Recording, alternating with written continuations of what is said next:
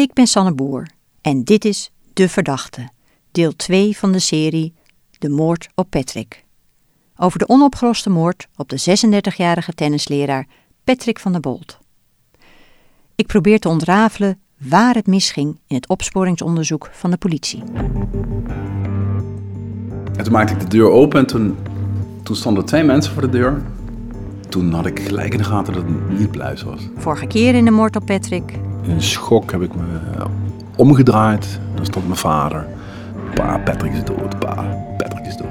Zijn we samen naar zijn appartement gegaan. En eh, door de raam gekeken en toen zag je hem in zijn flat liggen. Wat ik ook zag was dat er ook een eh, plas bloed daar was rond zijn lichaam. Iedereen kende hem ook in de hele tenniswereld. Eh, er is geen club hier in het zuiden van Limburg die Patrick van der Bol niet kende. Patrick was iemand, uh, lang leven de lol. Kwam het wel op neer bij hem, ja. En sommigen zou je misschien echt, willen, echt, echt vast willen pakken. Dan zou je echt misschien een potje mee willen janken of zo, weet je wel. Maar dat deed je niet. Dat deed je niet. Iedereen was verdacht. U heeft dus in de zaak van de moord op Patrick nieuwe aanwijzingen gevonden waarmee de politie verder zou kunnen rechercheren. Ja.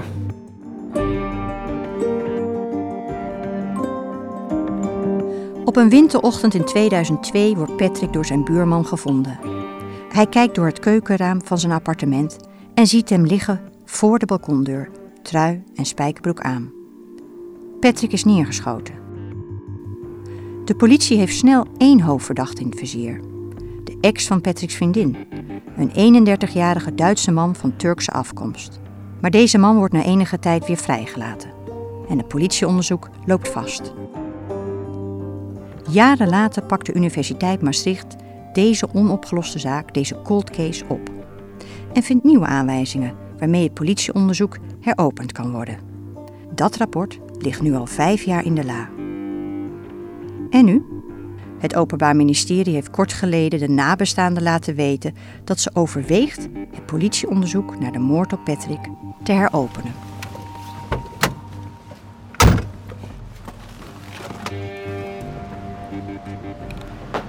Wanneer zijn al die bellen hier? Het zijn er wel heel veel, niet. hè?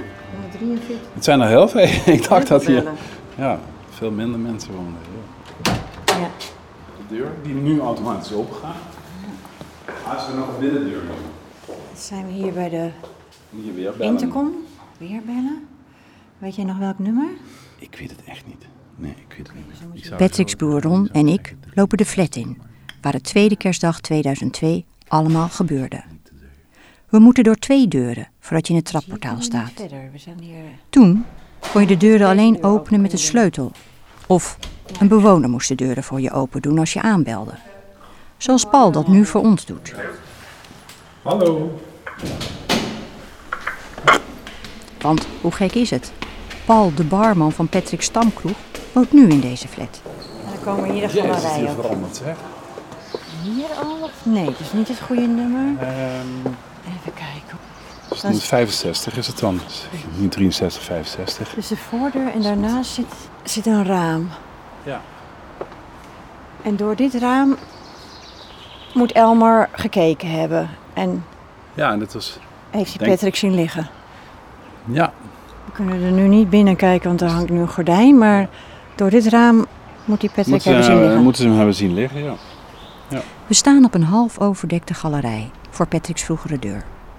Sinds de moord op zijn broer is Ron er niet meer terug geweest. Het appartement van buurman Elmer was twee deuren verder. En daar woont Paul dus nu.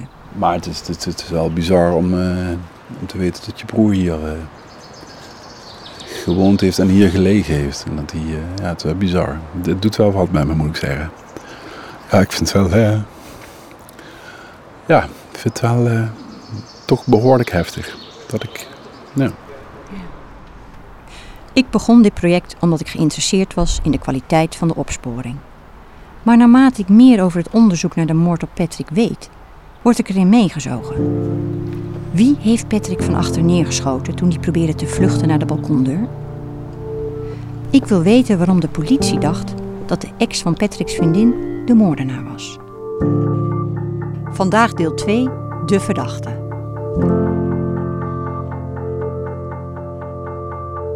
Ik kende zijn appartement. Zijn bank stond waar die bank stond en die stond er ook nog.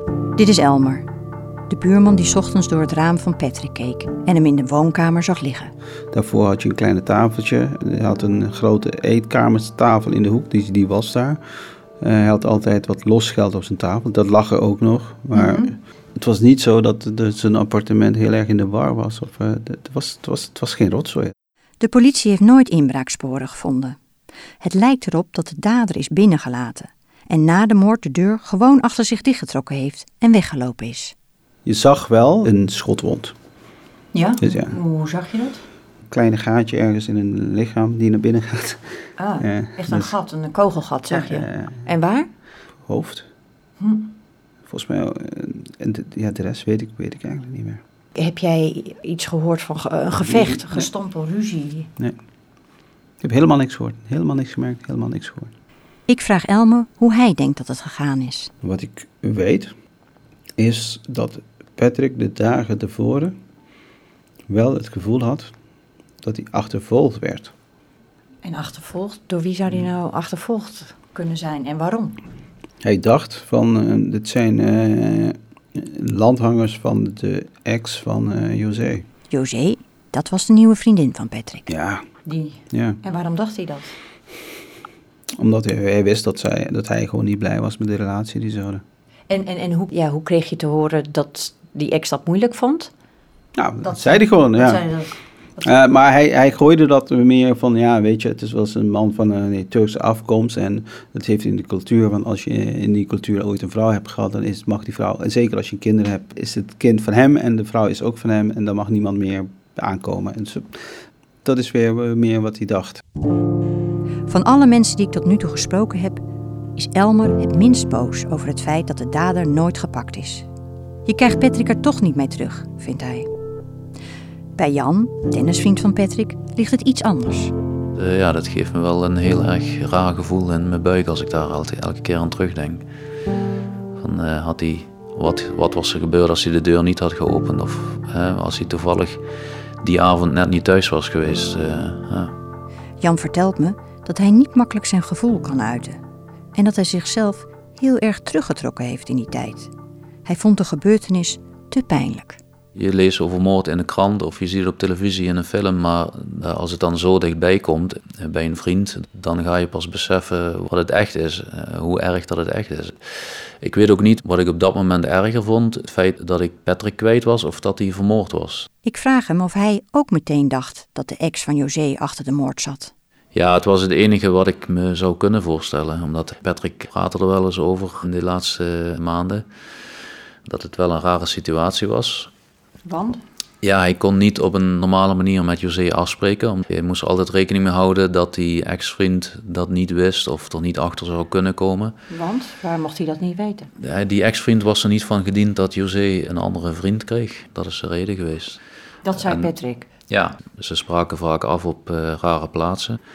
En ik weet dat hij belde of zo van, ja, ik sta nu bij jou op de parkeerplaats. Ik heb afgesproken met José, die komt dadelijk ook. En, eh, dus eh, hij zocht, weet je wel, echt zo'n plekken op waar de kans niet groot was dat ze ontdekt zouden worden. Bij zo'n afspraakje is Patrick de ex ook wel eens tegen het lijf gelopen. En erger. En hij vertelde ook wel eens dat hij eh, naar huis reed en dat hij dacht dat hij gevolgd werd door een auto. Dat hij, hij kende de auto van die ex. Hij zegt van, nou, hij rijdt nu achter me aan. Jemig. Ja, dat, eh, eh, dat was een vermoeden van hem. Hij wist het niet 100% zeker, maar eh, ja goed, gezien de situatie ga je dat wel meteen denken dan als je dan die auto ziet. Was hij dan bang?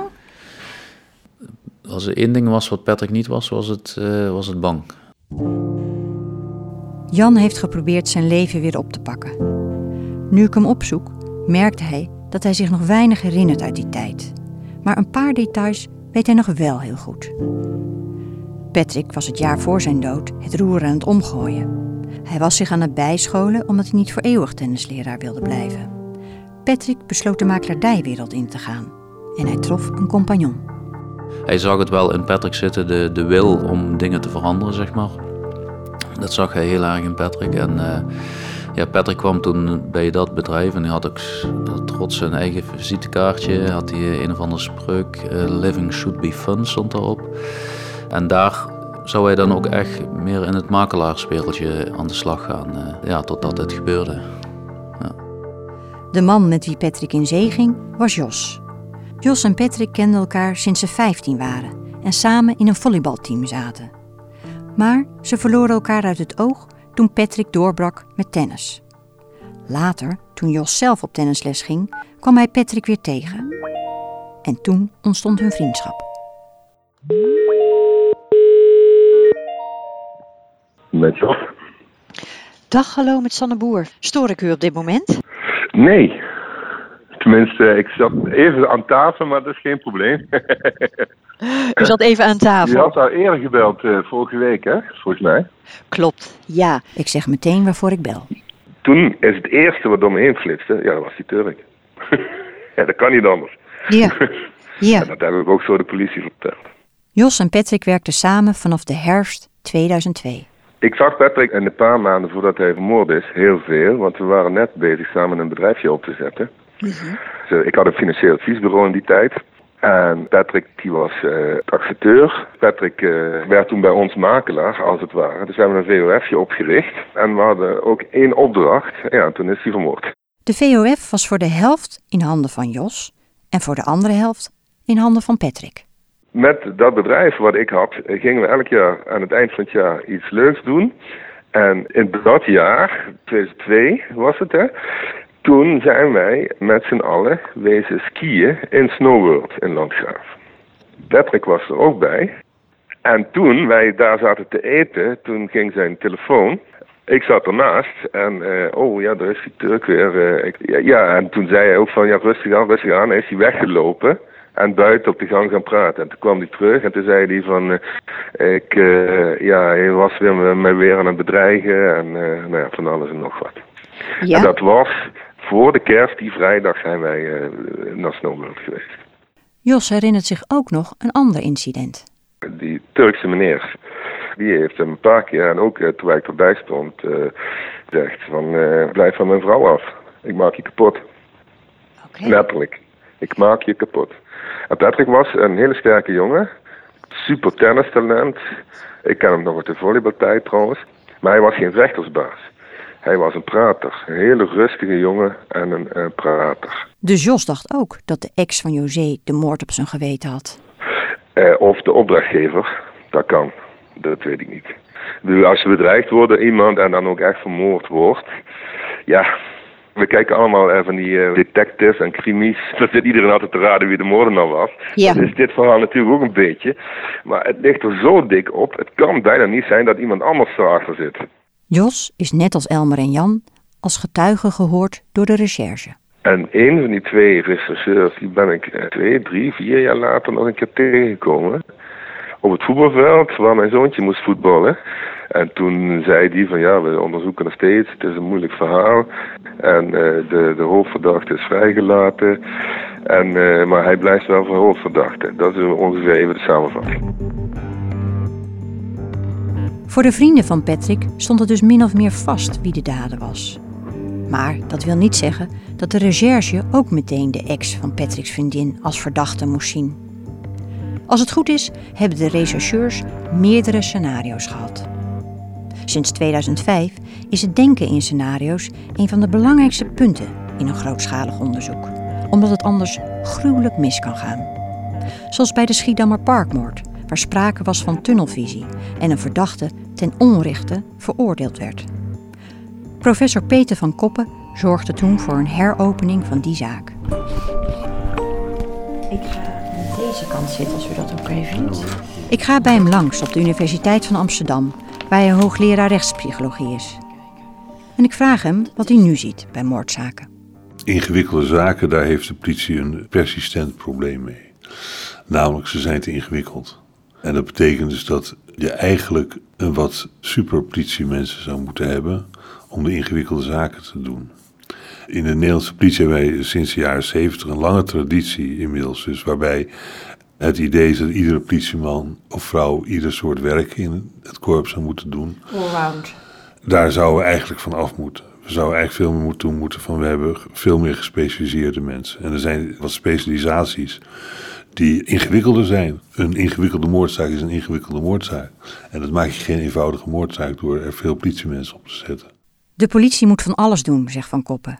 Van het verkeer regelen op Koningsdag, een oma die haar huis niet in kan, tot ingewikkelde moordzaken.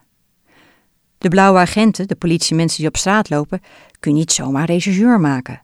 Daar moet je aanleg voor hebben. Al die verschillende taken die zijn nogal uiteenlopend. En die vragen ook een hele hoop vaak verschillende kwaliteiten. En die kan je niet door dezelfde mensen laten doen. En dat gebeurt nu wel. Dat gebeurt in zekere zin wel. Ja, dus je ziet mensen van blauw, zoals dat heet, dus uniformdienst, zie je doorgroeien naar rechercheurs. En daar zitten hele goede mensen bij. En daar zitten mensen bij die niet zo goed zijn en die het beter bij blauw had kunnen laten of ander soort taken had laten doen. Bij Patrick werden zo'n twintig man op de zaak gezet. Die vormden samen het TGO, het Team Grootschalig Onderzoek. Wat voor soort mensen zit er in zo'n team? De structuur is als volgt. Als er een zaak is, een lijkvinding, waarvan we zeggen, nou dat is misschien moord of doodslag, dan wordt er vaak een, een TGO-team, grootschalige opsporing, in elkaar gezet.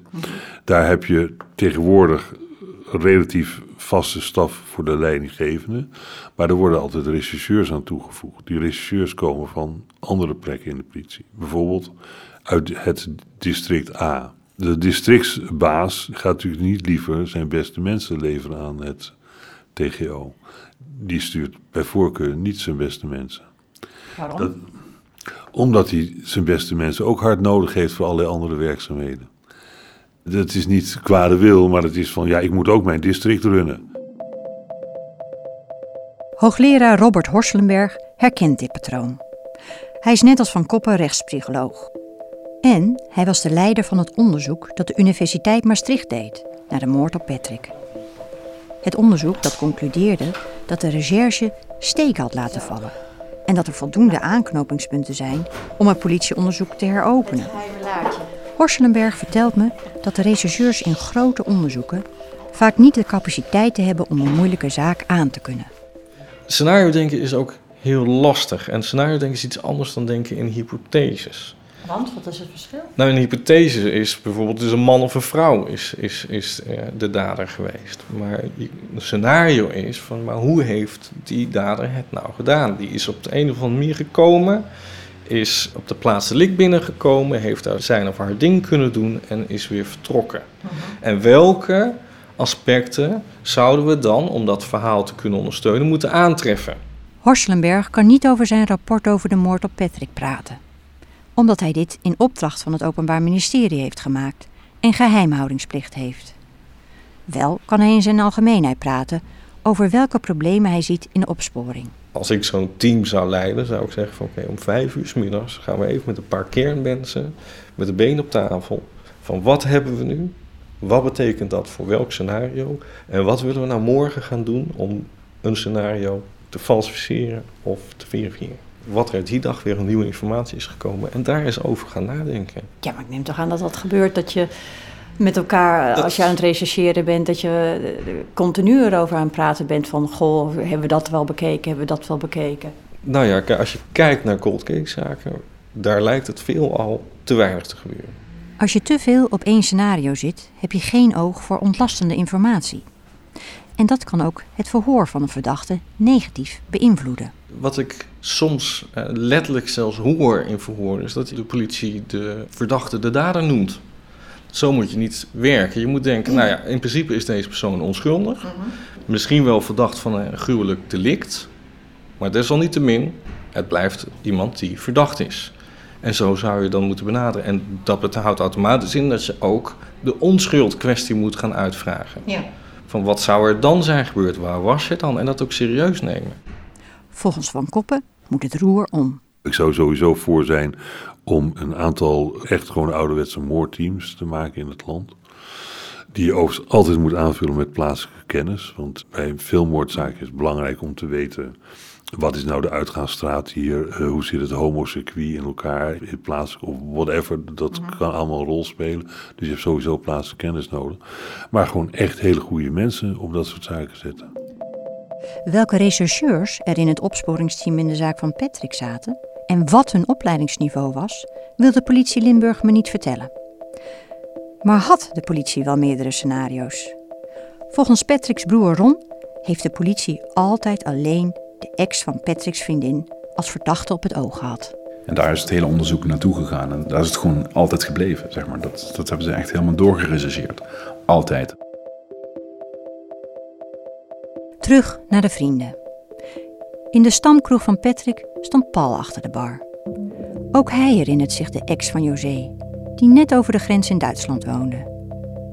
Op een avond liep hij recht op Patrick af, die aan de bar zat. Van je blijft met je poten eh, eh, van die dame af, anders dan eh, zei hij letterlijk, breng ik dich om. Hij sprak Duits.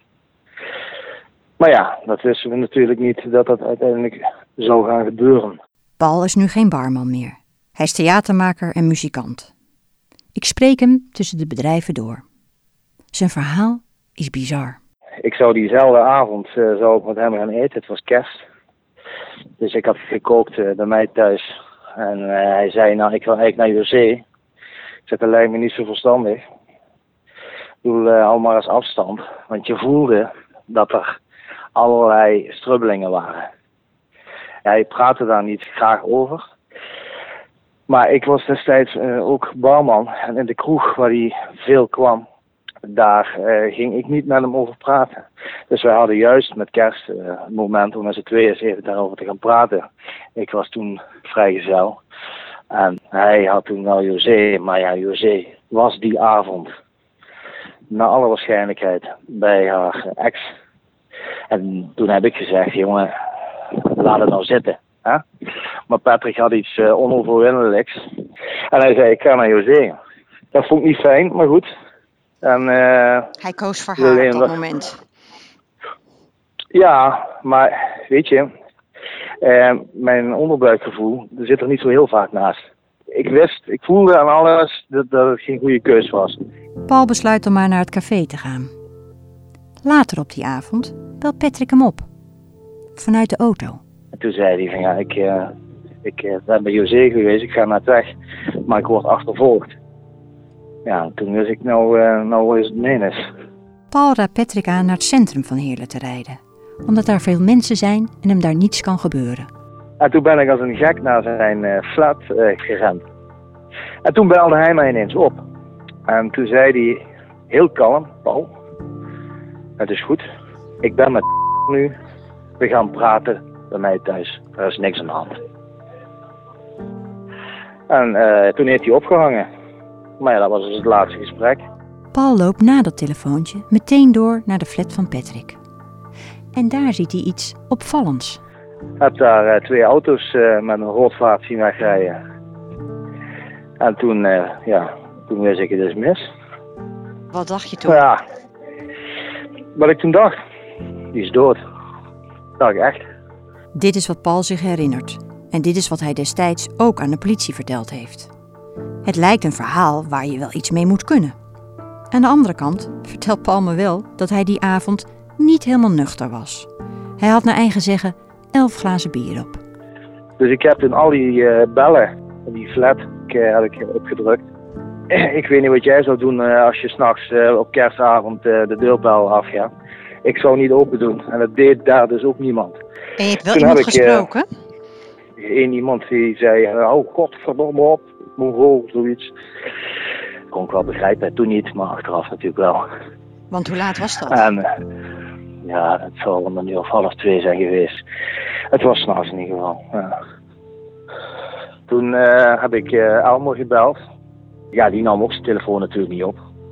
Die lag te slapen. Ja, ja, wat kun je dan? Niks. Paul heeft toen de politie gebeld. Of is naar het bureau gelopen. Dat weet hij niet meer precies. Ik heb de politie nog gebeld. Die zei die kon ook niks doen. Hoezo Dus niet? ja, dan houdt het op. Je, je hebt de politie Ja. gebeld. Eh, wat heb je die eh, gezegd? En ze zeiden nou meneer, eh, we gaan kijken, maar ja, we kunnen moeilijk eh, daar naar binnen. Ja. Wat ik ze gesmeken heb. Volgens Paul is hij toen moedeloos terug naar de kroeg gelopen, waar iedereen inmiddels behoorlijk dronken was. Dus daar nam niemand zijn zorgen serieus. Hij heeft Patrick nog vaak gebeld die nacht, maar tevergeefs. En de volgende ochtend krijgt hij dan dat vreselijke telefoontje. Toen ging mijn telefoon. Ja. En dan komt je grootste nachtmerrie uit. Toen kreeg ik te horen dat hij dood was. Allemaal hem gevonden. Als dit verhaal van Paul klopt, dan is het aan de politie om daar bewijzen voor te vinden. In de dagen daarna ben ik eh, drie of vier keer verhoord door de politie. In eerste instantie was ik natuurlijk ook verdachte. Want eh, de deurbellen zat helemaal onder mijn DNA. En eh, ja, ik ben degene die het laatste met hem gesproken heeft. Noem het allemaal maar op. De deurbellen aan de voorkant van het flatgebouw zijn dus onderzocht. Daardoor komen er ook allerlei andere vragen bij me op. Is er ook gekeken naar vingerafdrukken of DNA-sporen op de deurklink van de voordeur van Patrick's appartement? Want als de dader de deur achter zich dicht heeft getrokken, dan moet daar ook iets op te zien zijn geweest. En welke andere DNA-sporen zijn er in de flat gevonden? Ik kom te weten dat diep in de nacht vanaf de mobiele telefoon van Patrick een sms is gestuurd naar José. Met het bericht dat haar ex op dat moment bij Patrick is.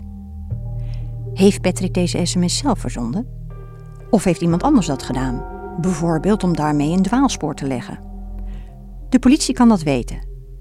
Maar heeft ze dan ook die DNA-sporen op die mobiele telefoon onderzocht? Daar moet ik nog allemaal achteraan. Want de politie zelf wil nog steeds niets over de zaak zeggen. In het belang van het onderzoek dat ze misschien ooit gaat heropenen.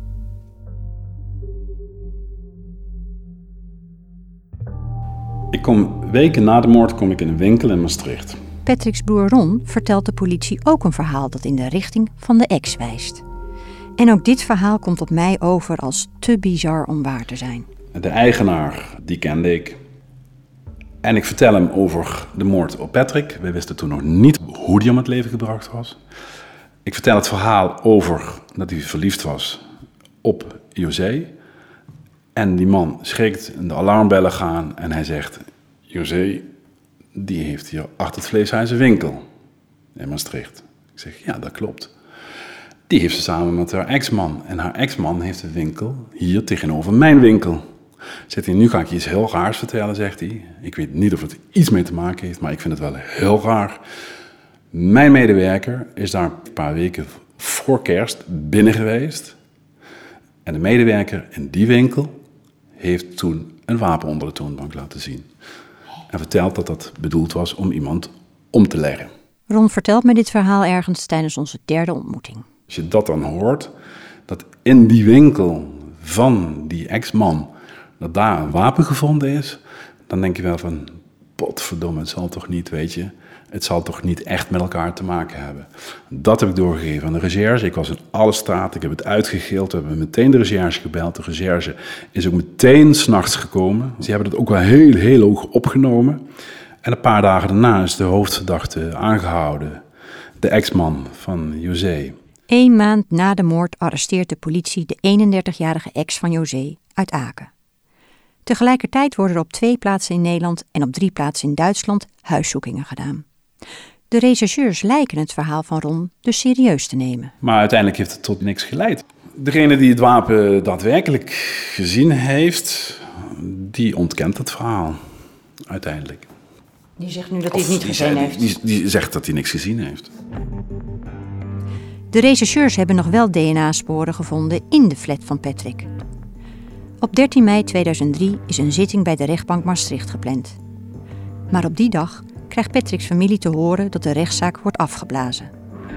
De ex van José wordt vrijgelaten, want het gevonden DNA is niet van hem en ook niet van zijn naaste familieleden die in Duitsland wonen, meldt het NFI. Dat betekent dat het DNA dat gevonden is op de plaats van delict dus van een andere persoon is.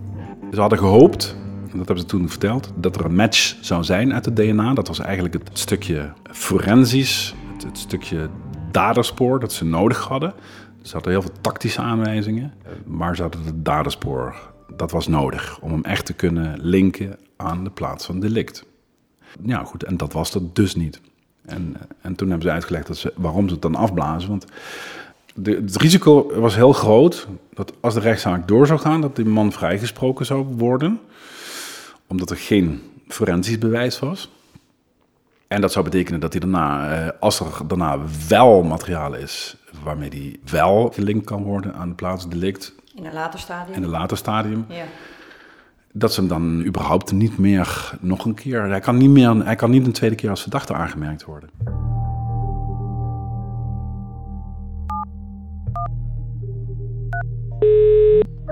Goedemiddag, Goldstein Advocaten. Meester Goldstein was de advocaat van de ex van José. Oh, kijken, even in zijn agenda. Ja, dat dat zit. Ja. Even kijken. Donderdag is in principe op kantoor. Advocaat Goldstein neemt uitgebreid de tijd om met me te praten, maar wil niet met zijn stem op de radio, omdat hij dat niet netjes vindt tegenover de nabestaanden. Hij beschrijft de ex van José als een nette ondernemer. Hij had een pizzaketen. Toen de dagvaarding werd afgeblazen, had zijn cliënt 105 dagen vastgezeten. Het steekt de advocaat dat de zaak maar niet afgesloten werd. Pas in februari 2009 kon zijn cliënt opgelucht ademhalen, omdat toen het strafrechtelijk onderzoek officieel werd gesloten. De ex van José heeft uiteindelijk schadevergoeding gekregen. Verder vertelt de advocaat dat de politie heel gretig was deze zaak op te lossen. De druk was groot, omdat het om een bekende familie ging, zegt hij. Het hele onderzoek heeft zich volgens hem uitsluitend op zijn cliënt gericht. Daar is echt alles voor uit de kast gehaald. En hij eindigt ons gesprek met de opmerking dat er misschien wel te weinig naar het privéleven en het werk van Patrick is gekeken. Ik vraag Goldstein waar zijn voormalig cliënt nu woont en of hij zijn telefoonnummer wil geven.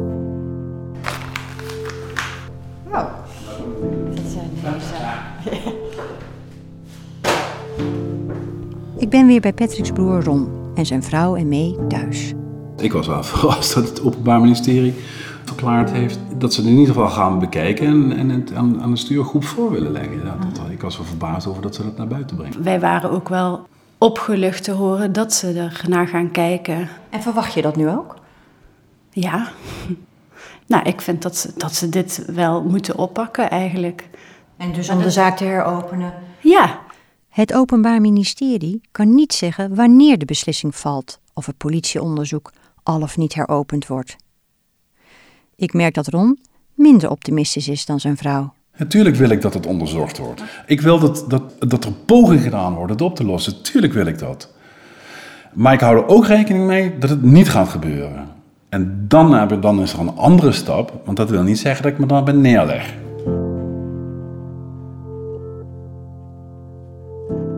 Rechtspsycholoog Peter van Koppen geldt als dé expert op het gebied van moeilijke opsporingsonderzoeken. Wat vindt hij van het onderzoeksrapport waaruit blijkt dat er genoeg aanleiding is om het politieonderzoek naar de moord op Patrick te heropenen? U kent het rapport? Ja, Vindt u dat de politie er iets mee moet doen? Kijk, de vraag wat ik vervindig is niet zo belangrijk. Wat, wat de afspraak is eh, toen de tijd ook gemaakt met de toenmalige korpschef, is dat wij van die zaken die voorgelegd worden een zeer gedegen wetenschappelijk verantwoorde analyse zal maken. Van Koppen heeft het project Gereden Twijfel opgezet. Onder zijn leiding onderzoeken wetenschappers rechtelijke dwalingen en vastgelopen onderzoeken. Zo kent hij ook het rapport over Patrick. Hij wil inhoudelijk niets over het onderzoek van de Universiteit Maastricht zeggen. Want stel dat de politie de zaak toch gaat oppakken, dan wil hij die niet in de weg zitten. Professor Van Koppen vertelt me wel dat hij het een goed rapport vindt, waarmee de politie een stuk verder kan komen in de zaak van Patrick. Het gaat natuurlijk om de vraag van op het moment dat er een, serieus onderzoek gedaan is naar zo'n zaak, waar je verder op kan bouwen als recherche, dan moet je je serieus afvragen, ga ik dat doen of niet? En dan kan je beslissen om dat niet te doen, je kan beslissen om dat wel te doen. Maar om daar 4,5 jaar over na te denken, is natuurlijk wel heel lang nadenken over toch een redelijk eenvoudige beslissing. Van een afstand lijkt het dan zo van, nou ja, leuk, een onderzoeksrapport, maar we doen er niks mee. Hoe, hoe- ik bedoel, hoe leg je dat uit aan de familieleden die eh, iemand hebben verloren? Eh, ik, ik ben blij dat ik niet hoef uit te leggen dat er niks met het rapport gebeurt.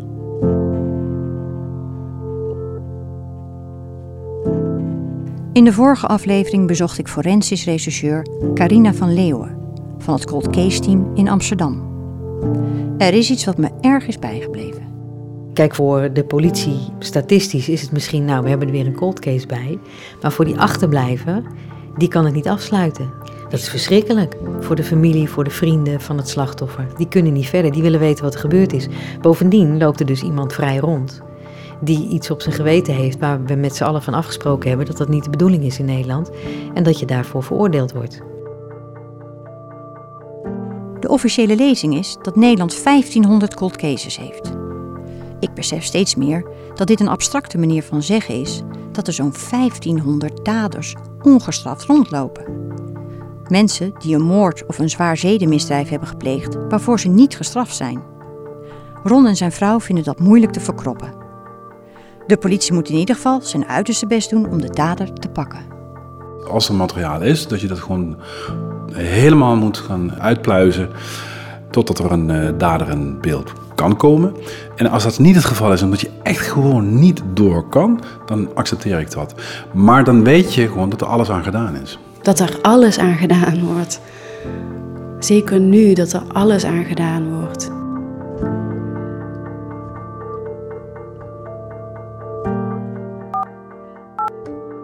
Na mijn eerste uitzending over Patrick werd er veel getwitterd. Ook door mensen die dagelijks met moordonderzoeken bezig zijn. Met Ilse van Leiden. Ja, hallo met Sanne Boer, VPRO Radio, Argos. Stoor ik, hallo, stoor ik je op dit moment? Nee, ik ben aan het lopen, dus het klinkt misschien wat heigerig, maar okay. verder uh, kan het veel leven. Ilse van Leiden is een van hen. Ze is criminoloog en psycholoog bij het criminologisch onderzoeksbureau Beke en doet al 17 jaar onderzoek naar onopgeloste zaken. Ze volgt de cold case teams in Nederland en doet regelmatig onderzoek voor de politie. Ik ben blij als er op die manier uh, aandacht is voor dit soort zaken. En ook niet uh, alleen maar uh, halleluja verhalen, maar ook gewoon de keiharde werkelijkheid. Dus vandaar dat ik daar wel op aanstoel. Want vind je dat er zoveel van die jubelende verhalen zijn over cold cases? Kijk, als je er wat over hoort, dan is het natuurlijk vaak wel omdat er eentjes opgehelderd. En dat is tof. Maar als je weet hoeveel het er zijn, dan is het altijd een beetje een druppel op een gloeiende plaats. En er zijn ook, ja, omdat er zoveel zaken zijn, zijn er heel veel die ook blijven liggen. Het heropenen van een onopgeloste moord of zedenzaak levert in één op de drie gevallen een succes op, concludeerde Van Leiden in 2005. Ze schreef er een boek over, Cold Cases, Hot Issues. Ja, eigenlijk bleek toen al van, nou ja, we weten eigenlijk niet hoeveel het er zijn, we houden dat niet bij. Nou, en uiteindelijk uh, hebben we dus een kaart gebracht van wat levert het nou op als je er wel aandacht aan besteedt. Ja. Dat is eigenlijk heel positief, dat je, hè, wat ik ook schreef, dat je 1 op de 3 heeft dat zin. Als je, als je daar aandacht aan besteedt. Van Leiden heeft niet onderzocht wat nu de kans is dat een heropening van een onopgeloste zaak slaagt. Ik verwacht dat je met DNA-techniek en zo, die zijn gevorderd, uh, nu veel meer kans hebt hmm. om een zaak op te helderen. Dus dat het meer dan 1 op de 3 wel... zou zijn? Ja, dat, dat, dat vermoed ik wel. Als de politie Limburg de zaak van Patrick weer oppakt, is er dus een goede kans dat dit tot resultaat leidt. Als ze de zaak gaan oppakken. Maar wat je nu ziet, is dat er eenheden zijn zoals Rotterdam en Amsterdam, waar uh, ja, goede opgetuigde teams zitten die structureel uh, cold cases aanpakken. Mm -hmm. Maar dat er ook eenheden zijn, zoals in Limburg en in Noord-Holland bijvoorbeeld, ja, waar er eigenlijk heel weinig mensen maar voor vrijgemaakt zijn en mee bezig zijn. En ja, dan, dan krijg je toch een soort van rechtsongelijkheid, vind ik. Ja. Want dan heb je gewoon pech als je in uh, Limburg woont, om het zo maar even plat te zeggen. Dan heb je gewoon serieus minder kans dat je zaak wordt opgepakt. Het hele politieonderzoek heeft zich op de ex van José gericht. Maar er is nooit forensisch bewijs gevonden dat hij in Patrick's appartement is geweest. Wat zegt dit? Jo Schreuder was de hoofdinspecteur en leider van het politieonderzoek in 2002. Ik kan me zo voorstellen dat deze zaak hem hoog zit. Ik heb zo vaak gehoord dat een onopgeloste zaak als een molensteen om je nek hangt als rechercheur. Waar denkt Jo Schreuder dat het mis is gegaan in zijn onderzoek? Ik probeer met hem in contact te komen. Maar hij is met pensioen en de politie Limburg wil me niet helpen. Jo. Ken je hem? Ja, maar Jo... Ja, ik ken Jo. Jo oh. is het cold case team van Limburg geweest. Criminoloog Ilse van Leiden kent Jo Schreuder. Hij blijkt niet alleen leider van het opsporingsonderzoek in 2002 geweest te zijn, maar ook de leider van het cold case team Limburg in een later stadium. In Limburg heb je het cold case team en dat was Jo. Nou, wat Alleen ik daarmee Jo? bedoel is dat Jo in zijn eentje het cold case team was. En, uh, ja, en, en, die is daar volgens mij ook op die positie uh, gekomen. Hè? Lange carrière gehad. En, uh, en Jo heeft, heeft die ook al op zijn beste proberen te runnen. Maar goed, die heeft gewoon geen mensen gehad. In zijn eentje moest Jo Schreuder dus cold cases in Limburg oppakken. Waaronder ook zijn eigen vastgelopen politieonderzoek. Nou ja, dat, dat zijn altijd wel gevoelige dingen. Dan heb je dus de voormalig teamleider van de, zeg maar de actuele zaak, moordzaak, die dan later ook het cold case onderzoek gaat doen. Ja, dat is niet heel wenselijk, omdat je moet onderkennen dat, je, uh, dat het heel lastig is voor een mens om, om fris naar een zaak te kijken. En als je dan toch je eigen onderzoek moet bekijken op fouten, dan moet je dat wel met meerdere mensen doen, zodat je kan sparren en tegenspraak hebt, zegt Van Leiden.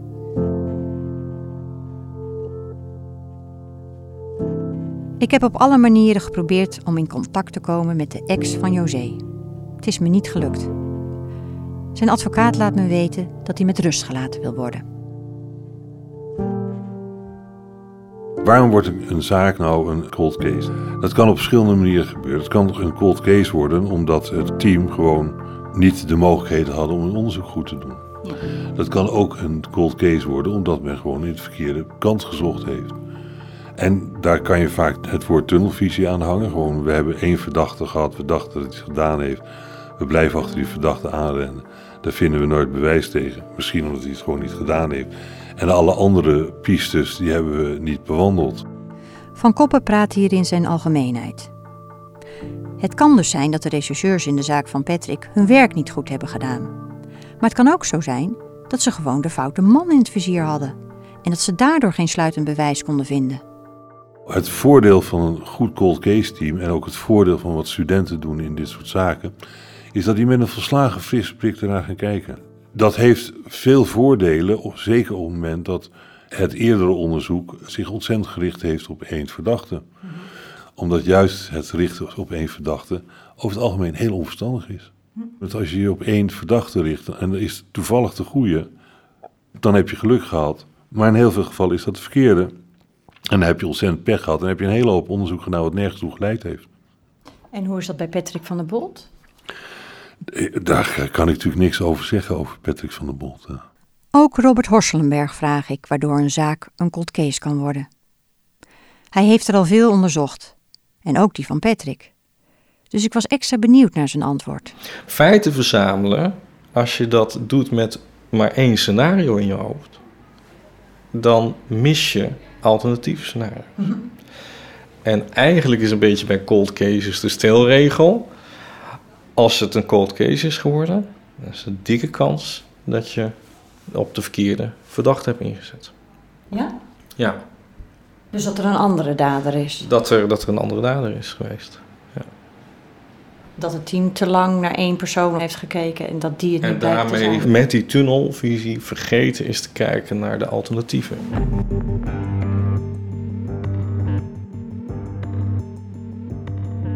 Volgende keer. Ik begreep dat u huisbaas bent, al heel lang in dit pand. Ja, ja, toen was ik dat ook al. Ja. 15 jaar geleden of nog langer. Hè? Ja. Ben ik gebeld geworden door iemand, er was iemand in de fladder lopen. En degene die u belde, die belde omdat hij een vreemd iemand had ja, gezien? Of die achter me aan is gelopen, zo, dat weet ik niet. Ja, en hoe laat was dat ongeveer? Ik denk half twaalf. Het was kerstavond volgens mij. Hè? Mm -hmm. En bent u gehoord door de politie? Nee. Nee. Dit was De Verdachte, deel 2 van de serie De Moord op Patrick. Ik ben nog hard aan de slag, dus ik hou je via social media en onze website vpro.nl/slash Patrick op de hoogte wanneer de volgende aflevering verschijnt. Ik wil graag bedanken Erik Arends, Hielke Jan Borger, Alfred Koster en Huub Jaspers. Mocht u tips hebben, laat het weten via argos.vpro.nl. Deze podcast werd mogelijk gemaakt door Human en de VPRO.